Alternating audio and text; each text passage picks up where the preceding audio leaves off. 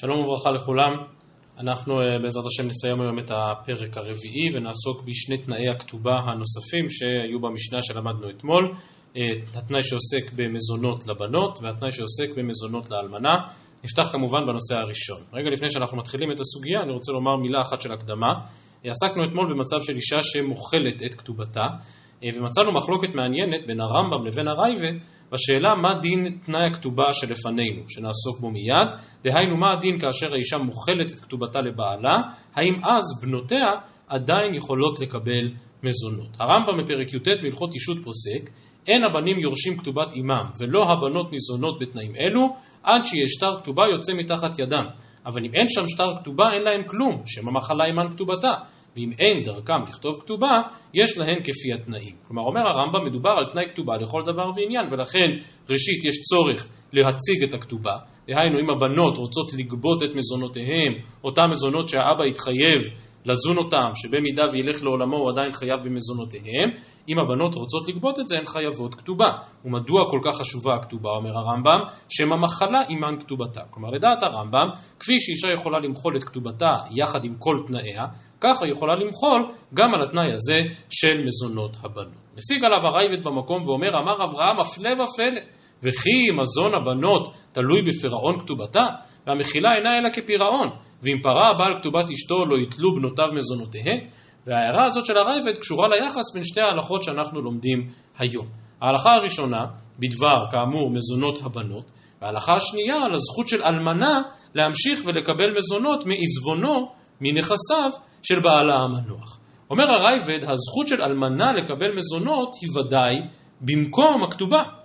כלומר, אם האלמנה קיבלה את כתובתה, את מלוא כתובתה, אז זהו, אז היא נפרדת ממשפחת בעלה המנוח, נפרדת מנכסיו, קיבלה את המגיע לה, וודאי לא ממשיכה לקבל מזונות.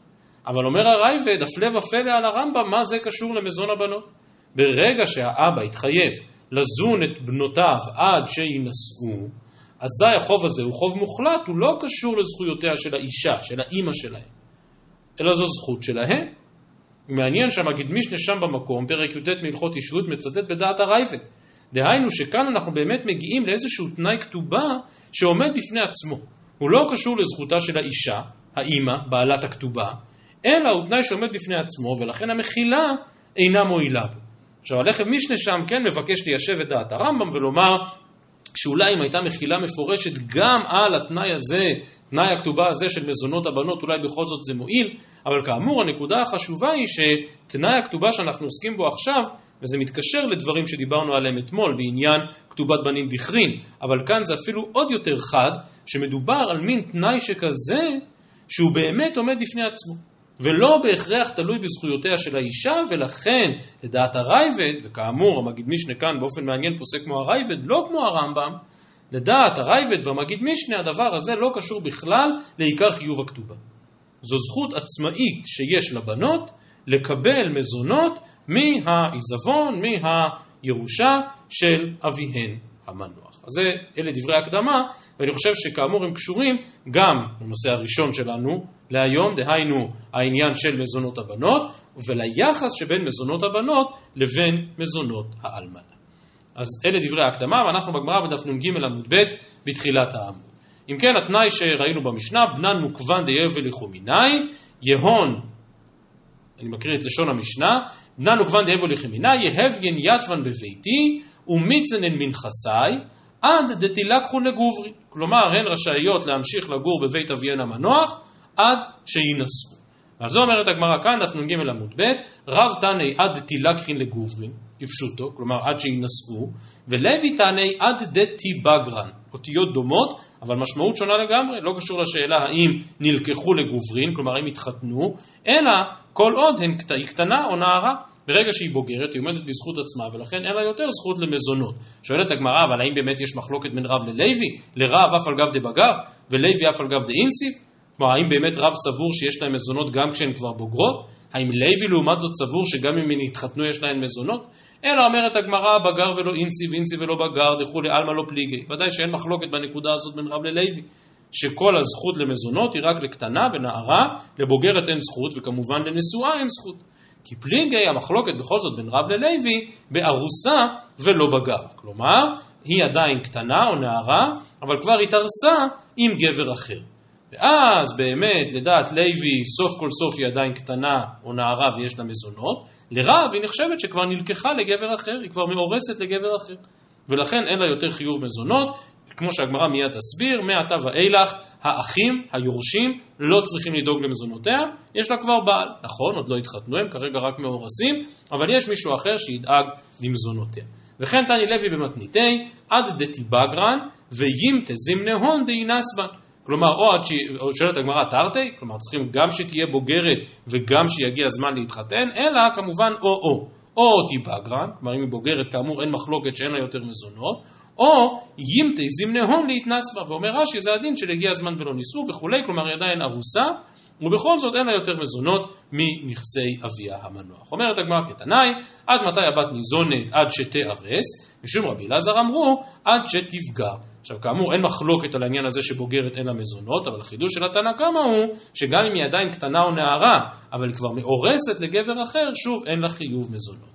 תנא רב יוסף עד די הוויין, כך שנה רב יוסף במשנתנו, היא בעיה להו, מה זה די הוויין? הוויה דאירוסין, ברגע שהיא מאורסת לגבר אחר, אז כבר אין לה מזונות מנכסי אביה, או הוויה דנישואין, וכמובן הדבר נשאר בתיקו כי הוא תלוי במחלוקת התנאים או במחלוקת רב ולוי, כפי שראינו. אמר לרב חיסדא לרב יוסף, משמיע לך מנדר רב יהודה, האם ארוסה יש לה מזונות או אין לה מזונות, כלומר אם היא התארסה כבר לגבר אחר, האם יש לה או אין לה מזונות, אמר לי, משמע לא שמיע לי, אלא מסברה לית לה. כלומר אין לה יותר מזונות מנכסי בעלה, מדוע? כיוון דארסה, כלומר היות שיש לה עכשיו כבר ארוס, לא ניחא ליה דתיציל. כלומר היורשים, היתומים אומרים, אנחנו לא ניתן לך יותר מזונות, ואנחנו משערים שלא תישארי ברחוב, כי כבר יש לך ארוס, והוא אכפת לו ממך, הוא לא רוצה שתתבזי. ולכן אומר, לא שמעתי מרב יהודה, אבל מסברה נראה לי שאין לה מזונות מאחיה, אנחנו סומכים על זה שהארוס שלה כבר ידאג לה. אמר לי, אם מישמע לא שמיע לך, כלומר אם אין לך מסורת ברורה בדבר, אז מסברה בדיוק ההפך. מסברה איתלה, יש לה מזונות מנכסי היורשים, מנכסי אביה המנוח, מדוע? כיוון דלוקים לי בגבה, כלומר היות שהארוס זה עוד לא חד משמעי, הוא עוד לא יודע אם האירוסין האלה יבואו לידי מימוש ויגיעו עד כדי נישואין, לא שד זה בכדי. כלומר, על הארוס אי אפשר לסמוך. יש לחשוש שהוא לא ישלם לה ולא ישלם את מזונותיה. ולכן כל עוד היא מאורסת, עדיין יש לה מזונות מנכסי אביה. ואיכא דאמרי בדיוק הפוך, אמר מישמע לא שמיע לי, אבל מסברה נראה לי שיש לה כיוון דלוקים לבגבה, כלומר היות שהארוס לא בוטח בה עדיין, ממילא לא שד זה בכדי, הוא לא יזרוק סתם את מעותיו וייתן לה מזונות, ולכן יש לה מזונות מנכסי אביה. אמר לי, אם איש מה לא שמיע לך, אז מסברה נראה שלית לה, כיוון דארסה, לא ניחא לי דתיציל. כלומר, היות שהיא כבר מאורסת, אזי אה, אפשר לבנות על הארוס שאכן ידאג לה. הרמב"ם מכריע שאכן הבעל, כלומר הארוס, חייב במזונותיה, אה, ולכן לאחרי האירוסין, שוב אין לה תביעה כלפי אחר. אומרת הגמרא סימן, הסימן הזה מתאר את האמוראים שדיברו עד עכשיו, ואת סדרת השאלות הבאה בגמרא. באו מיני מרב ששת, ממאנת, יש לה מזונות או אין לה מזונות? אנחנו הרי מדברים, ממאנת, כמו שלמדנו הרבה פעמים, היא מי שהיא סיוע אימה ואחיה, כלומר אין לה אבא, כמובן כשלא היה לה אבא והיא עדיין קטנה, אז היא מקבלת מזונות, זה הנושא שעליו אנחנו מדברים, ואז אימה ואחיה כבר לא היה להם נוח שהיא נמצאת פה בבית, הם חייבים עם מזונותיה, ולכן הסיעו אותה, כנראה שלא לרצונה לגבר אחר, והיא ממאנת פה, מה קורה, מה קורה אחרי שהיא ממאנת בו? היא כמובן חוזרת לביתה, אז האם עכשיו יש לה מזונות או אין לה מזונות? מצד אחד, מיעון עוקר את הנישואים הראשונים, סוף כל סוף היא קטנה בבית אביה, יש לה מזונות. מצד שני, היא כבר יצאה מבית אביה, היא כבר התנתקה, כבר הייתה תקופה מסוימת שהיה לה בעל, וזהו הספק של רב ששת, יש לה מזונות או אין לה מזונות? אמר לו רב ששת לניתוח, אלמנה בבית אביה וגרושה בבית אביה ושומרת יבם בבית אביה, יש לה מזונות. על פניו מאוד מפתיע אם היא אלמנה או גרושה, כלומר שהיא כבר הייתה נשואה פעם, אז היא יצאה מבית אביה, לא יכולה לחזור לשם. ולכן רש"י אומר שוודאי מדובר פה על אלמנה מן האירוסין, או על גרושה מן האירוסין. כלומר, הייתה מאורסת למישהו, ואז התאלמנה, או ואז הוא גירש אותה, ולכן היא חוזרת לבית אביה. כינוריה לגמרי, כמו שמצאנו גם בהלכות אחרות, כך רש"י מסביר. רבנו תם כאן בתוספות חולק על רש"י ומציע פשט מאוד מאוד מחודש, שאפילו מדובר שנתאלמנה מן הנישואין, אבל סוף כל סוף היא חזרה לבית אביה, אחרי שהתאלמנה מן הנישואין, ואז האבא עוד היה חי. עכשיו מה אבא יגיד לה לא לחזור? אז היא חזרה הביתה כשאבא עוד היה חי, ואז האבא הלך לעולמו. אז יש סברה שהיא באמת מקבלת מזונות. אז שוב, לפי רש"י זה מובן מדוע יש לה מזונות, כי היא הייתה רק מאורסת, ועכשיו היא אלמנה או גרושה. לפי רבנו תם זה חידוש יותר גדול שיש לה מזונות, כי היא חזרה לבית אביה כאשר עוד היה חי, ואז מטבע הדברים נתן לה את מזונותיה, והחיוב הזה נמשך גם לאחר מכן. על כל פנים, נאמר בפירוש בברייתא, שלאלמנה מן האירוסין, גרושה מן האירוסין וכולי, יש מזונות. רבי יהודה אומר, עודה בבית אביה יש לה מזונות, אינה בבית אביה אין לה מזונות. שואלת הגמרא את השאלה המתבקשת, רבי יהודה היינו תנא קמא, זה בדיוק מה שאמר התנא קמא, שאם היא בבית אביה, אחרי שנתאלמנה או נתגרשה, שוב נסביר לפי רש"י שזה היה מן האירוסין, אז יש לה מזונות, אז מה רבי יהודה חולק על התנא קמא? אלא לאו ממאנת איכא בניו. כנראה המחלוקת ביניהם זה מה דינה של ממאנת. דתנא קמא סבר איתלה, כלומר סוף כל סוף יש לה מזונות, מדוע? משום שבכל מקום למדנו שממאנת עוקרת לחלוטין את הנישואין שהיו, בעצם דינה כמי שמעולם לא נישאה, דינה כקטנה בבית אביה שיש לה מזונות. וכך באמת פוסק הרמב"ם. אבל בא רבי יהודה ואומר, רבי יהודה סבר ליתלה, משום שלדעת רבי יהודה אי אפשר לומר על ממאנת שהיא עודה בבית אביה. היא כבר יצאה משם פעם אחת. והיות שכבר יצא מבית אביה, שוב אין לה בכלל חיוב מזונות. אם כן, זה החידוש של רבי יהודה, אבל כאמור, אין הלכה כמותו. אז זה אם כן הספק הראשון, האם לממאנת שחזרה לבית אביה, יש מזונות. ספק מספר 2, בא ארש לקיש, בת יבמה. כלומר, אדם היה נשוי לאישה, הלך לעולמו, אחיו גיבם אותה, ואז ליבם וליבמה נולדה בת. לאחר מכן היבם הלך לעולמו, האם לבת הזאת יש מזונות מנכסי אביה, היבם? בת יבמה, יש לה מזונות או אין לה מזונות? כיוון דאמר מר כתובתה על נכסי בעלה הראשון, לית לה. כלומר, הזכות הבנות למזונות היא חלק מחיוב הכתובה, וחיוב הכתובה מוטל על הבעל הראשון, על האח המת, שהוא כבר לא פה. או דילמה כיוון די לית לה מראשון, אם אין נכסים לראשון, תקינו לרבנן משני, כלומר היבם הוא זה שמחויב בכתובתה, והיבם כאן הוא האבא של הבת שעליה אנחנו מדברים, אז סוף כל סוף איתלה. ובאמת נשארת הגמרא בתיקו. ספק מסוג אחר, בא אל רבי אלעזר, בת שנייה, שנייה הכוונה שניות לאריות, שהקשר בין אביה ואימה הוא קשר שיש בו איסור דה רבנן, כמובן קידושין חלים, אבל יש בהם איסור. ואם כן, בת שנייה, יש לה מזונות או אין לה מזונות? והגמרא מסבירה את הספק, נ"ד עמוד א', כיוון דלית לכתובה, לית למזוני.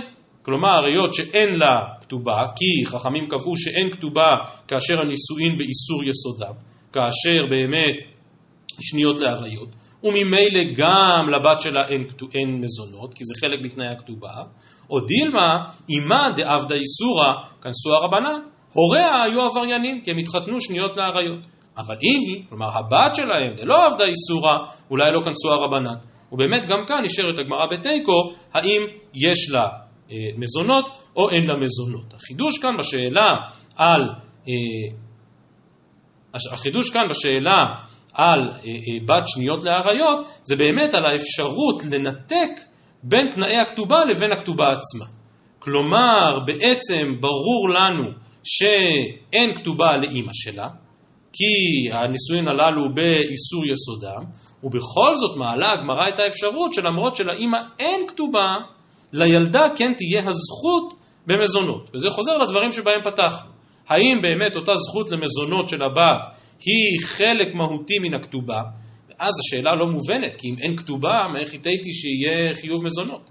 אבל אם נאמר שחיוב המזונות עומד בפני עצמו, כמו שטען הרייבד כנגד הרמב"ם, שגם אם האמא מחלה את כתובתה, היא ודאי לא יכולה למחול את מזונות ביתה, אזי באמת יש מקום לשאלה של הגמרא כאן.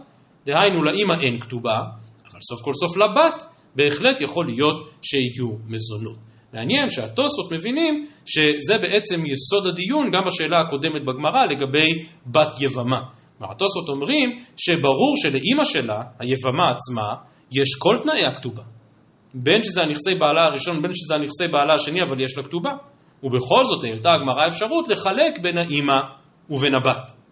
כלומר, לגבי שניות לאריות, ברור שלאימא אין כתובה, ואנחנו מתלבטים האם לבת יש זכות מזונות, בספק הקודם ברור שלאימא יש כתובה, אבל השאלה אם הכתובה של האימא מועילה לעניין זכות מזונות שתהיה גם לבת. ואם כן, מדובר על שני צדדים ממש של אותו מטבע.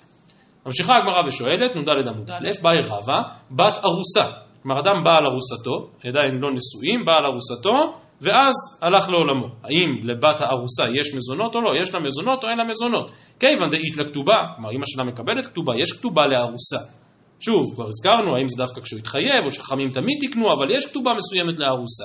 ואם יש לה כתובה, ממילא גם לבת שלה יש זכות אכילה, זכות מזונות. או דילמה כיוון דלא תקינו רבנן כתובה עד שעת נישואין, כלומר מכלול חיוב הכתובה ודאי חל באופן מלא רק בשעת נישואין, אז לית לה.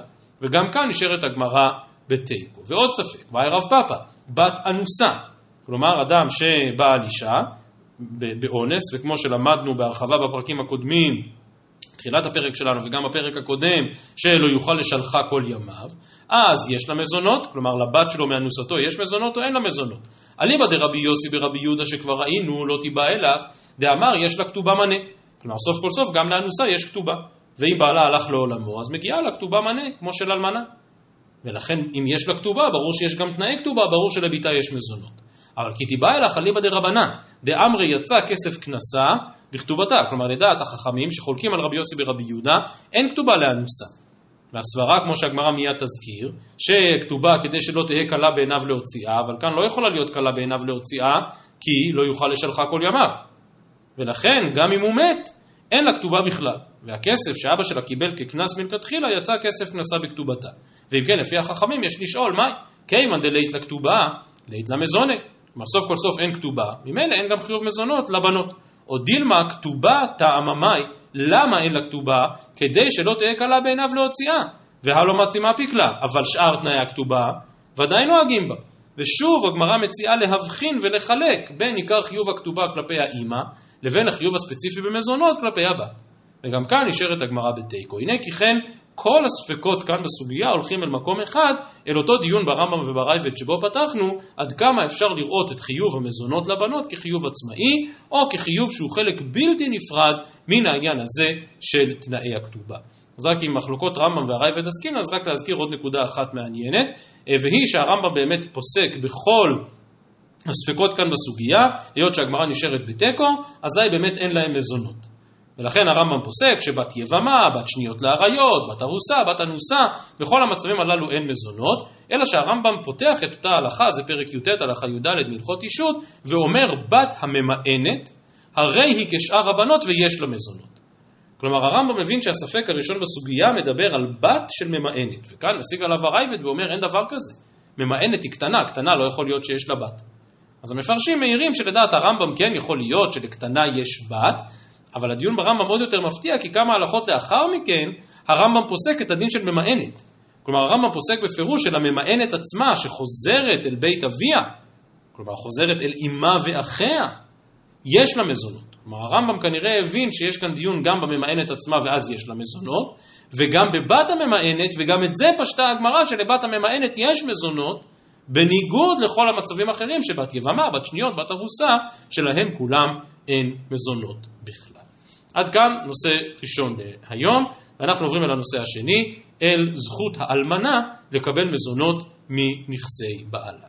אז אם כן, שוב נחזור אל לשון המשנה, ההתחייבות שהוא כותב לה בכתובה, את תהי יתווה בביתי, ומיתזנה מנכסי, כל ימי מיגר אלמנותייך בביתי. נשים לב שהמילה בביתי כתובה כאן פעמיים.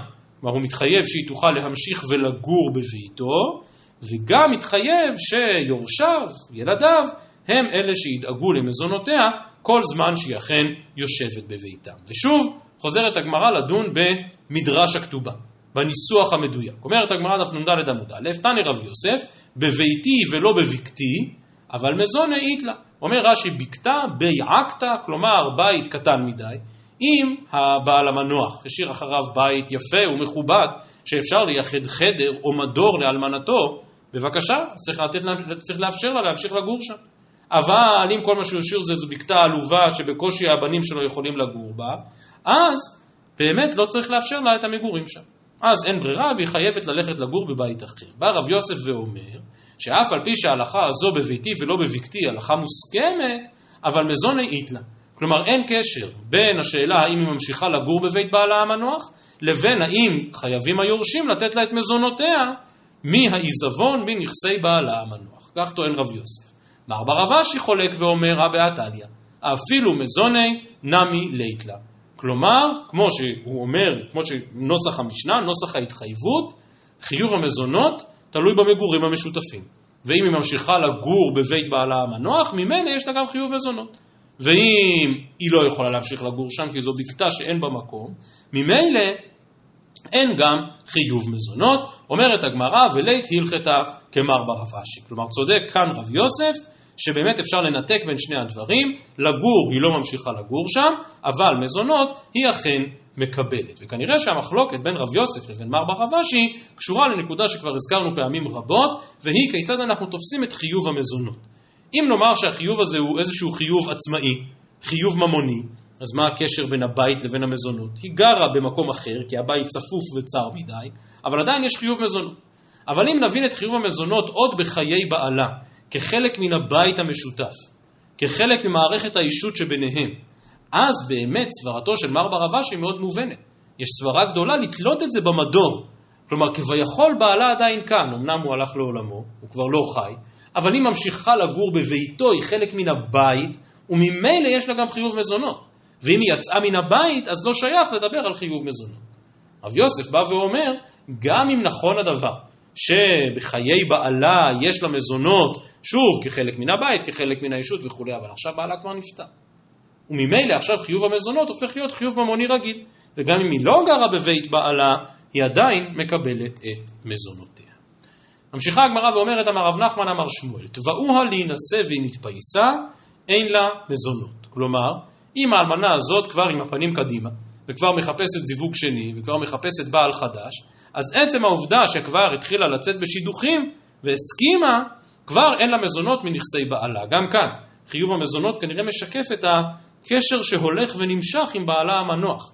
היא עדיין שייכת לביתו, אבל אם היא כבר יוצאת לשידוכים עם בעל חדש, היא לא שייכת לבית בעלה המנוח, ולכן אין לה מזונות. שואלת הגמרא, הלא נתפייסה, כלומר אם תבעו אני אנסה, התחילה לצאת לשידוכים אבל עוד לא מצאה את, את האחד, עוד לא מצאה את בעלה השני. לא נכון לקרוא לו האחד, נכון יותר לקרוא לו השני. הלא נתפייסה, יש לה מזונות, כלומר עצם העובדה שכבר הביעה התעניינות, כבר זה מספיק כדי להוציא אותה מבית בעלה המנוח. אמר רב ענן, לדידי נפער שלי דבר שמואל, אמרה מחמת פלוני בעלי יש לה מזונות. כלומר, אם היא אומרת, תקשיבו, אני עדיין קשורה לבעל המנוח, לבעלי זיכרונו לברכה. לא, לא מעניין אותי, לא יכולה בכלל לחשוב עכשיו על, על בעל חדש, על זיווג שני. יש איגרת הפוכה, ב, יש ספר ממש מרתק של איגרות רב קיבא איגר, והוא מספר שם על פטירת אשתו הראשונה, וכמה היה לו קשה, ו, וממש מתאר שם את הקשר המיוחד שהיה ביניהם, והוא אומר, אנשים פונים אליי ומציעים לי כבר נשים חדשות, הם בכלל לא מבינים איפה אני מונח, לא מבינים איפה אני נמצא.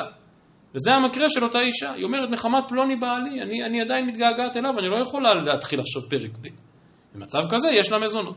לעומת זאת, אם היא אומרת, מחמת בני אדם שאינם מעוגנים לה, כלומר היא אומרת, אני כבר בשלה, אני כבר מוכנה לפרק ב', אבל לא מצאתי מישהו מתאים. אז אין לה מזונות, כי עצם זה שהיא הצהירה שתבעוה להינשא, עצם זה שהיא הצהירה שהיא פנויה לפרק ב', זה כבר מבטל לה את חיוב המזונות מבעלה המנוח. ביטוי יותר קיצוני לסברה הזאת, אמר רב חיסדא, זינדה אל המזונות. כלומר, אם היא לגמרי כבר הלכה עם מישהו אחר, אז ודאי שהתנתקה מבית בעלה המנוח. אמר רב יוסף, ככלה ופרקסה, שוב, כאילו יוצאת, לבלות, מקושטת וכולי, עוד פעם אין לה מזונות. מאן דאמר זינתה, כל שכן עם ככלה ופרקסה, מאן דאמר ככלה ופרקסה, אבל זינתה, איתלה, מאי טעמה, יצר אנסה. ולית הלכתה ככל הנשמטתה, אלא כי הדה אמר רב יהודה אמר שמואל, התובעת כתובתה בבית דין, אין לה מזונות. כלומר, אם היא באה לבית דין ואמרה, זהו, אני רוצה לפרוש, לצאת מבית בעלי המנוח, לקבל את כתובתי שמגיעה לי כאלמנה, וזהו. אז ברגע שטבעה בבית דין, אין לה מזונות. שואלת הגמרא, ולא, כלומר דווקא אם היא טבעה כתובתה והתניא, מכרה כתובתה, משכנה כתובתה, כבר דיברנו אתמול על המושג הזה של למכור כתובה, אז מכרה כתובתה, משכנה כתובתה, עשתה כתובתה אפוטיקי לאחר, כלומר היא מתחילה ממש לסחור בכתובה, אין לה מזונות. לכאורה הנאין דווקא מכרה או משכנה, אבל אם היא טבעה בבית דין לא. אומרת הגמרא, לא, לא, לא. הנאי בין בבית דין בין שלא בבית דין. אם היא מכרה או משכנה את כתובתה, כלומר היא כבר מתחילה לסחור זה לא משנה אם זה היה בבית דין או לא, מבחינתנו היא רואה את חוב הכתובה ככסף שמגיע לה, אם מגיע לה הכתובה, שוב לא מגיעים למזונות. כמו שהסברנו מקודם, כל החיוב הזה, כל הזכות הזאת של אלמנה לקבל מזונות, זה כל עוד היא נשארת בבית בעלה. ברגע שהיא מקבלת את כתובתה, אז נפרדים, וזהו. ולכן, אם היא משכנה כתובתה, מכרה כתובתה, זה לא משנה אם בבית דין או שלא בבית דין, היא יצאה מבית בעלה, ואין לה יותר מזונות. אם היא באה לי רק לתבוע את כתובתה, אז אם היא תבעה בבית דין אין, כלומר אם היא תבעה בבית דין אין לה יותר מזונות, אם היא תבעה שלא בבית דין, רק התחילה לדבר עם היורשים על זה שהיא רוצה את הכתובה, זה עדיין לא מפקיע אותה, זה עדיין לא מבטל אותה מחיוב המזונות. מה בין תביעת הכתובה לבין אותו הזכות במזונות? על כך סיימה משנתנו ואמרה שהייתה מחלוקת בין אנשי ירושלים והגליל לבין אנשי אה, יהודה. שאנשי ירושלים והגליל אמרו הזכות אצלה, האם היא ממשיכה לגור או מקבלת כתובה, לעומת זאת אנשי יהודה סברו שהזכות אצל היורשים.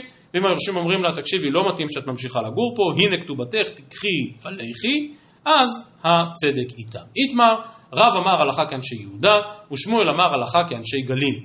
בבל וכל פרבדה, כלומר כל הפרברים של בבל, כאן לא בבל הארץ אלא בבל האזור, נהו כרב, נהר דעה וכל פרבדה נהו, נהו כשמואל, ושאלה מאוד מעניינת, האי בת מחוזה, שהיא מאזור בבל, הווה נסיבת לנהר דעה, מקומו של שמואל, עטו לקמא דרב נחמן, שמעה לכלה דבת מחוזה, כלומר דיברה בניב, דיברה במבטא של מחוזה, אמר להו, בבל וכל פרבדה נהו כרב. דהיינו שרב סבור שההלכה כאנשי יהודה, שהיורשים יכולים להחליט האם לתת לכתובתה. אמרו לי, אבל הרי לנהר דעה נשיא, והרי הבעל הוא מנהר דעה. אמר לאוי הכי, נהר דעה וכל פרבדה נהוג כשמואל. ועד היכן נהר דעה, עד היכן דסגי, עד היכא דסגי קבא דנהר דעה. כלומר, עד איפה שמשתמשים במידות המשקל המיוחדות של נהר דעה, עד שם זה נחשב נהר דעה, וכאמור נושא מאוד מעניין, מה עושים כאשר הבעל מגיע ממקום אחד, האישה מגיעה ממקום אחר, כאן הגמרא אכן מכריעה באופן חד משמעי, שהולכים אחרי מקומו של הבעל, וזה מה שיקבע את הדין. טוב, אז ראינו ממש בקצרה את הסוגיה והסברנו את הקשר בין הבית המשותף, חיוב מזונות, העניין של המדור לבין או אומר כך, את הקשר בין המדור לבין חיוב המזונות, אבל הסוגיה הזאת היא בבחינת תם ולא נשלם, שכן במשנה להלן בדף קד אנחנו נלמד על מגבלה מאוד מעניינת, המגבלה של 25 שנים. כלומר שהזכות הזאת של אלמנה לשבת בבית בעלה ולקבל מזונות תחומה בזמן. אמנם הרבה זמן, חצי יובל, 25 שנים, אבל עדיין תחומה בזמן. ויש כמה וכמה פרטים בעניין הזה, שכאמור עוד נדון בהם בהמשך המסכת. כבר הזכרתי כמה פעמים שהנושא הזה של אה, מזונות הוא נושא מאוד מאוד אה, שכיח בבתי הדין, גם בתי הדין, גם בתי המשפט, להבדיל לדיני משפחה, עוסקים בנושאים הללו. דיברנו על זה בהקשר של מזונות הילדים, אבל גם הסוגיה שלנו, של מזונות האלמנה, היא סוגיה שנדרשים אליה הרבה.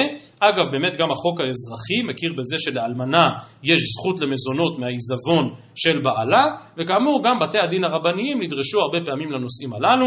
אה, מצאתי היום למשל פסק דין מעניין של בית הדין הגדול בראשות הרב בקשי דורון, זכר צדיק לברכה, כאשר היה אב בית הדין, יחד עם אה, להבדיל בין חיים לחיים הרב דייחובסקי, אה, והמקרה שם היה של אלמנה, שבעלה עשה צוואה מחיים, שעוד פעם קשור לדברים שדיברנו אתמול, ובצוואה מחיים נתן את כל נכסיו לילדיו. ואז טוענים הילדים שהם פטורים ממזונות האלמנה, כי האבא לא השאיר נכסים. כל הדין הזה שהאלמנה יכולה להישאר בבית בעלה ולקבל מזונות, זה רק אם האבא השאיר ירושה, אבל כאן האבא לא השאיר ירושה. כשהוא עושה צוואה מחיים, אז הוא בעצם נותן במתנה מחיים את כל נכסיו, אין ירושה. מעניין שבית הדין הגדול שם באמת קיבל את הטענה וקובע שבמקרה כזה אין חיוב מזונות, אמנם הם כן פסקו שם שיש עדיין חיוב מגורים, כלומר באותה דירה משותפת שבה אותה אלמנה גרה עם בעלה המנוח, היא יכולה להמשיך ולגור. מצאתי עוד מאמר של הרב דייחובסקי בתחומין בכרך ט', אה, ושם הוא יותר פורס את היריעה, יותר מרחיב את היריעה בכל הנושא הזה של חיוב מזונות לאלמנה, אה, גם שם שאלה, מאוד, שאלה מעשית מאוד מעניינת לגבי זכות האלמנה לקבל מזונות מקופת גמל. וגם שם המקרה היה שהבעל קצת לפני מותו הסיר את האישה מרשימת המוטבים של אותה קופת גמל. ואז עוד פעם באו היורשים ואמרו, האישה לא יכולה לקבל מזה את מזונותיה, זה לא נכסים שאבינו השאיר עבורה, אה, והרב דרחובסקי שם הולך וחוקר בעצם מה יסוד חיוב מזונות לאישה, האם זה סוג של ירושה שאלמנה כביכול, מדגיש, כביכול יורשת את בעלה ומקבלת מזונות, או שמדובר על זכות ממונית גריידא והולך הרב דייחובסקי שם הוא מפלפל, מי שרוצה יכול לעיין ולהרחיב, כמו שאמרתי, תחומין כרכתת. מעניין לעניין עוברת הגמרא לעוד כמה פרטים לסיומו של הפרק. איתמר, דף נ"ד עמוד א', לקראת סוף העמוד, איתמר, רב אמר שמין אה, אלמנה, רב אמר שמין מה שעליה, שמואל אמר אין שמין מה שעליה. ברגע שאנחנו לא הולכים לתרחיש שהיא מקבלת מזונות, אלא לתרחיש שהיא מקבלת את כתובתה, כמו שהיה המנהג ביהודה, שהם יכולים להגיד לקחי את כתובתך, האם כאשר אנחנו באים לשלם לה את כתובתה, אנחנו שמים גם את הבגדים שעליה, כלומר גם את הבגדים הללו בעלה קנה, ולכן חלק מהסכום שמגיע לה היא כבר קיבלה. רב סבור שמין מה שעליה, שמואל אמר אין שמין מה שעליה. אמר רב חייא בר אבין וחילופה בלקית. לקית הכוונה איזשהו אה, שכיר שעבד אצל בעל הבית, בעל הבית דאג לו גם לביגונד, אז רב חייא בר אבין סבור שכאן הפכו שיטותיהם. דהיינו שרב סבור שללקית לא שמים את הבגדים, אלא משלמים לו את השכר חוץ מהבגדים שהוא לובש, ושמואל סבור שכן שמים, רב כהנא מתני וכן בלקית. כלומר שכדרך שנחלקו באלמנה, כך נחלקו בלקית, ואפילו מנח בי סימנה, לשיטתו של רב, גם יתמה וגם ארמנטה, שלח ופוק. כלומר, הורד את בגדיהם, ורק אז הוצא אותם. ואם כמובן הם לא רוצים לפשוט את בגדיהם, אם הם רוצים להישאר עם בגדיהם עליהם, אז הבגדים הללו שהם קיבלו, הם חלק מהכסף שהם כבר קיבלו. באמת ככה אנחנו פוסקים שלאלמנה שמין בגדים שעליה, אבל כתבו הראשונים שדווקא אלמנה אבל לא גרושה. כלומר, אם הבעל מגרש את אשתו, אז הוא רואה מה היא לובשת, ואף על פי כן גירש אותה. ולכן זה חוץ מן החשבון, ועדיין צריך לשלם לה את מלוא כתובתה. אמר רב נחמן, אף על גב דתנן במתניתין כבתי דשמואל, כלומר שיש משנה שלכאורה מדויקת כדעת שמואל, שבאמת אה, לא שמין את הבגדים שעליה, הלכת כבתי דרב. היכן מצאנו משנה כדעת שמואל במסכת ערכין, דתנן. אחד המקדיש, המקדיש נכסיו ואחד המעריך את עצמו, כלומר בין שאדם הקדיש נכסים, בין שהוא אמר ערך עצמי עליי ואין לו כסף לשלם, אז באים בא הקדש ומעכל את כל נכסיו, אבל גם כשההקדש בא לעכל את נכסיו, אין לו לא בכסות אשתו, ולא בכסות בניו, ולא בצבע שצבע לשמן, ולא בסנדלים חדשים שלקח לשמן. או במילים אחרות, הבגדים שאשתו לובשת, הסנדלים שהיא נועלת, זה כבר לא שלו, זה שלה. ולכן ההקדש לא יכול לעכל את זה, שזה בדיוק מה ששמואל אמר. מה רב סבור? רב סבור, גם הבגדים שהיא לובשת שייכים לבעל. ולכן, אם היא ממשיכה ללבוש אותם, אז מורידים את זה מכתובתה. שמואל לעומת זאת אומר, מה פתאום, הבגדים האלה כבר שייכים לה, ועכשיו צריך לשלם לה את כתובתה. הנה כאן במשנה בערכין, מפורש שאי אפשר לעכל את הבגדים שהיא לובשת, משמע שהבגדים אכן שייכים לה. אמר לי רבא לרב נחמן, וכי מאחד אתנן מתניתין כבתי דשמואל, אם באמת המשנה כאן מדויקת כדעת שמואל, אז אמר הלכתה כבתי דרב. אז למה פסקת כרב? אמר לי, כי לא, לא דייקנו במשנה, לכאורה כשמואל ראייתה, לכאורה המשנה לדעת שמואל. אבל כי מעיינת בה, כאשר תעמיק במשנה יותר, אז תראה שהלכת כבתי דרב. מה היא טעמה? כי אקני לה, הדעת למי קמקמי, הדעת למישקל ולמיפק לא אקני לה. כלומר, נכון, באמת הבגדים שאשתו לובשת שייכים לאשתו, לא שייכים לו, ולכן ההקדש לא יכול לעכל אותם. אבל זה היה רק כל עוד הם היו נשואים באושר ואושר. ואז באמת, הוא אומר, אני, יש לי עניין לקנות לה את בגדיה וכולי, זה גם חלק מחיוב דאורייתא של הבעל כלפי אשתו, לתת לה את בגדיה. אבל אחרי שהבעל כבר איננו כאן, אז אין לו חובה להלביש אותה. ואם היא בכל זאת מוסיפה ולובשת את הבגדים שהוא קנה לה, הרי שהם פוחתים מחיוב כתובתה, כפי שטען רב, ולכן נפסקה הלכה כמותו. קלטה דבי בר אלישיב, הווה כתב הכתוב דמניית מי, הבו קממתא ללו לבית דינה, אמרי זילנן מילתא דתיז לאחי, כלומר רצתה לבוא איתם לבית הדין, אמרו תקשיבי את לא לובשת בגדים מספיק מכובדים לבית הדין, אז לה לבישתינו והכסיתינו לכולי מנה, הלכה ולבשה את כל הבגדים, את הבגדים הכי חגיגיים, אז עתו לקמא דרבינה, אמר להוא הלכת הקבתי דרב, דאמר אלמנה שמין מה שעליה, ולכן היא לובשת כל כך הרבה בגדים, ברור שאת כולם פוחתים מסכום כתובתה. במאמר מוסגר, אין לנו תכף עוד הערה אחת על מזונות אלמנה, אבל במאמר מוסגר, מזכירה הגמרא הלכה אחרת בענייני נדוניה, שדיברנו בהם אתמול. הוא דאמר לו נדוניה לברת, וזל נדוניה. כלומר, הוא אמר, תנו לה אה, שלוש שרשראות לנדוניה שלה בשווי 300 שקלים. בסופו של דבר, שלוש שרשראות שוות רק 200 שקלים, כי ירד הערך של הזהב או ירד הערך של התכשיטים. אמר אבידי בר אבין, פורנה ליתמי, כלומר היתומים הרוויחו. הפער שייך ליתומים. כלומר, האבא נתן לה שלוש שרשראות, הקחי את השלוש שרשראות שאבא, שאבא הבטיח. היי, אבל אבא הבטיח לי שלוש שרשראות בשווי שלוש מאות. לא נכון. אבא הבטיח לך שלוש שרשראות, בבקשה תקחי אותן. זה שעכשיו הן שוות פחות, הרווח שייך ליתומים, וכן להפך. ההוא דאמר להו, ארבע מאות זוזי מן חמרה לברת, כלומר, הבטיח לה יין בארבע מאות זוז, ובסופו של דבר יקר חמרה, היין התייקר. כלומר, הוא הבטיח לה חבית יין שעולה 400 זוז, אבל עכשיו חבית יין שווה 600 זוז. אז היא אומרת, אבא הבטיח לי חבית יין, תנו לי את החבית. אמר רב יוסף, גם כאן הולכים לרעתה ורווחא ליתמי. כלומר, הם רשאים לתת לה יין ב-400 זוז בלבד, ולא חייבים לתת לה את מלוא החבית, שעכשיו שווה יותר. סגור סוגריים, הפרק מסתיים עוד פעם בענייני אה, מזונות האלמנה. מספרת הגמרא קריבי דרבי יוחנן, הווה להו איתת אבא דהווה קמפסדה מזוני. כלומר, היו לרבי יוחנן קרובי משפחה, שאבא שלהם כבר היה לא צעיר, והבינו שאו-טו-טו עובר לעולם האמת, ואומרים, תקשיב, אשתו של אבא היא מפסדה מזוני, היא אוכלת המון, והמזונות שלה מאוד מאוד יקרים. עכשיו, ברגע שאבא ילך לעולמו, אנחנו נצטרך לשלם את מזונותיה, וזה עול כלכלי גדול. עטו לקמא דרבי יוחנן. באים ולוקש עצה מרבי יוחנן, תוספות כאן אומרים, רגע, מה הם באים לרבי יוחנן? רבי יוחנן כבר אמר, ראינו את זה לפני יומיים, אל תהיה כעורכי הדיינים, לא לתת כל מיני עצות, אבל תוספות אומרים שפה דווקא רבי יוחנן הרגיש בנוח לתת עצה, כי הכל היה בהסכמה. טוב, אז עטו לקמא דרבי יוחנן, אמר להו, עז לו ואמרו ללאבוכון, תלכו לומר לאבא עכשיו כשהוא עוד חי, דנייחד לערה למזונה. כלומר, שייקח איזושהי חלקת קרקע, ויאמר שהיא זאת שמוקדשת למזונותיה, ואז את מזונותיה היא מקבלת מהחלקה שם.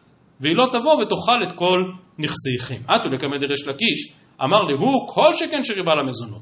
כלומר, אם הוא ייחד לקרקע, זה לא שרק משם היא גובה, אלא שאם כאילו אין לה מספיק מזונות, היא יכולה לגבות גם מאותה קרקע. כלומר, אם ייתן לה קרקע, הוא רק יעצים את כוחה, לא יוריד את כוחה. אמרו לי והר על רבי יוחנן לא אמר אחי, אמר לאו זילו אבו לה, כלומר תנו לה את כל המזונות שהיא צריכה והיא לא, מפיק נא לכו רבי יוחנן מעודנייכו. במילים אחרות, ריש לקיש בתקיפותו הגדולה כנגד רבי יוחנן אומר, בסדר, רבי יוחנן אמר, אמר, אני לא צריך להסביר את רבי יוחנן, אתם צריכים לשמוע לי. עטו לקמא דרבי יוחנן, אמר והוא בענוותנות גדולה, מה אעשה שכנגדי חלוק עליי. כלומר, רבי יוחנן גם הוא מקבל את הדין ואומר, אם ריש לקיש חולק עליי, אז חולק עליי.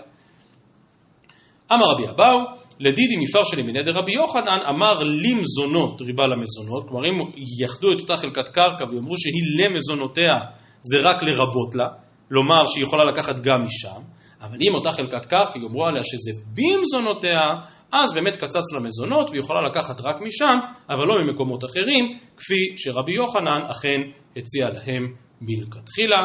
הדרן הלך פרק נערה, ומחר בעזרת השם נתחיל את הפרק החמישי להתראות.